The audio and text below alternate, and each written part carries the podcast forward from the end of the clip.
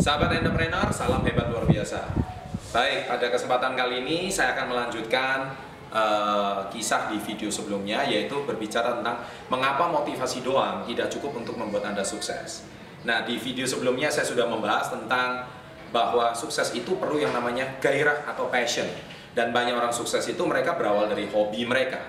Nah, pada kesempatan kali ini saya akan memaparkan dengan sangat praktis dan sangat singkat tentang ada empat tabel yang berbicara soal mengapa motivasi itu cuma salah satu aspek dari beberapa aspek yang sudah saya bahas. Oke, di sini saya akan membahas dari berdasarkan sudut pandang motivasi dan sudut pandang skill. Karena sukses itu butuh motivasi dan sukses itu butuh skill. Kalau motivasi saja tidak ada skill juga nggak bisa, skill saja tanpa motivasi juga nggak bisa. Nah, di sini saya akan bahas satu persatu apa yang harus Anda lakukan kalau Anda mempunyai motivasi dan skill. Nah, yang pertama, di sini Anda bisa melihat di sebelah kiri saya ya. Anda di sini akan melihat bahwa motivasi itu butuh yang namanya apa yang terjadi kalau seseorang motivasinya rendah dan skillnya rendah atau kita sebut dengan low motivation and low skill. Kalau low motivation and low skill, saya yakin Anda butuh yang namanya bimbingan atau mentoring. Jadi banyak orang kalau motivasinya udah rendah tapi juga nggak punya kemampuan, tidak cukup di, bisa dimotivasi. Dia mungkin termotivasi sesaat, tapi dia tuh butuh bimbingan. Dia tuh butuh skill-skill keahlian. Contoh Anda itu punya kemamp punya motivasi buka bengkel contohnya. Tapi Anda nggak punya skill dalam bidang otomotif, otomatis bengkel Anda bisa bangkrut nantinya. Anda merekrut karyawan yang salah, Anda mungkin hari ini e, dibohongin oleh supplier Anda, sehingga Anda hari ini tidak bisa menciptakan suatu usaha yang bagus. Jadi Anda butuh yang namanya bimbingan atau mentoring. Nah yang kedua adalah low skill but high motivation ya. Jadi Anda uh, skillnya rendah tapi motivasinya sangat tinggi. Anda mungkin sekarang sudah sangat termotivasi tapi skillnya sangat rendah. Nah, apa yang harus Anda lakukan ketika Anda mempunyai motivasi yang cukup bergairah? Anda mungkin termotivasi melihat teman Anda yang sukses. Anda mungkin juga melihat video ini, Anda juga termotivasi.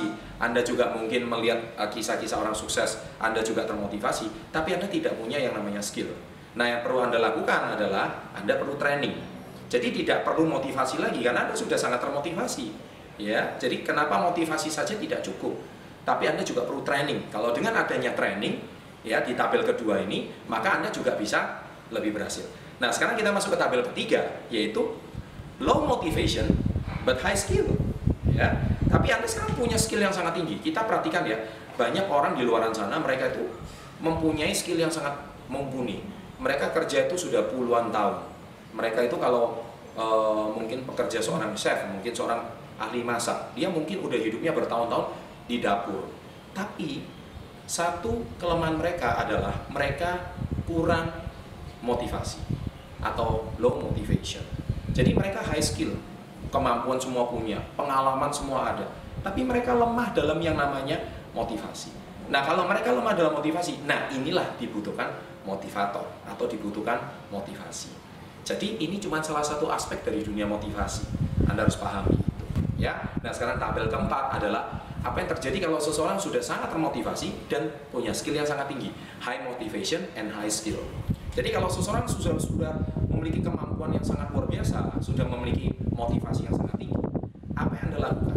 Nah, biasanya mereka akan mencapai suatu fase di mana di tahap keempat ini stagnan.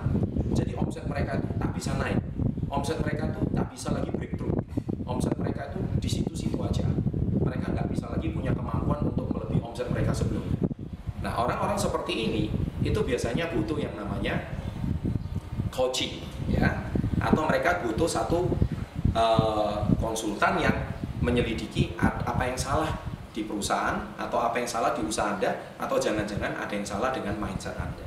Nah, dari sini Anda dibutuhkan seorang terapis ya yang membongkar subconscious mind Anda atau mindset-mindset yang keliru di pikiran bawah sadar Anda serta Anda di sini juga dibutuhkan yang namanya uh, coaching atau butuh seorang coach yang mengawasi rutinitas Anda sehari-hari yang tidak kelihatan.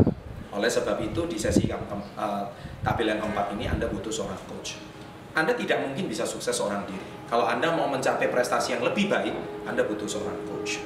Nah, oleh sebab itu motivasi saja tidak cukup. Ya. Nah, sekian uh, tips sukses before 30 pada kesempatan kali ini.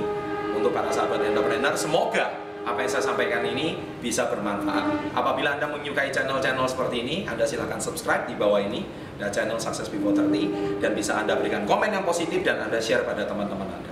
Sukses untuk Anda, salam hebat luar biasa.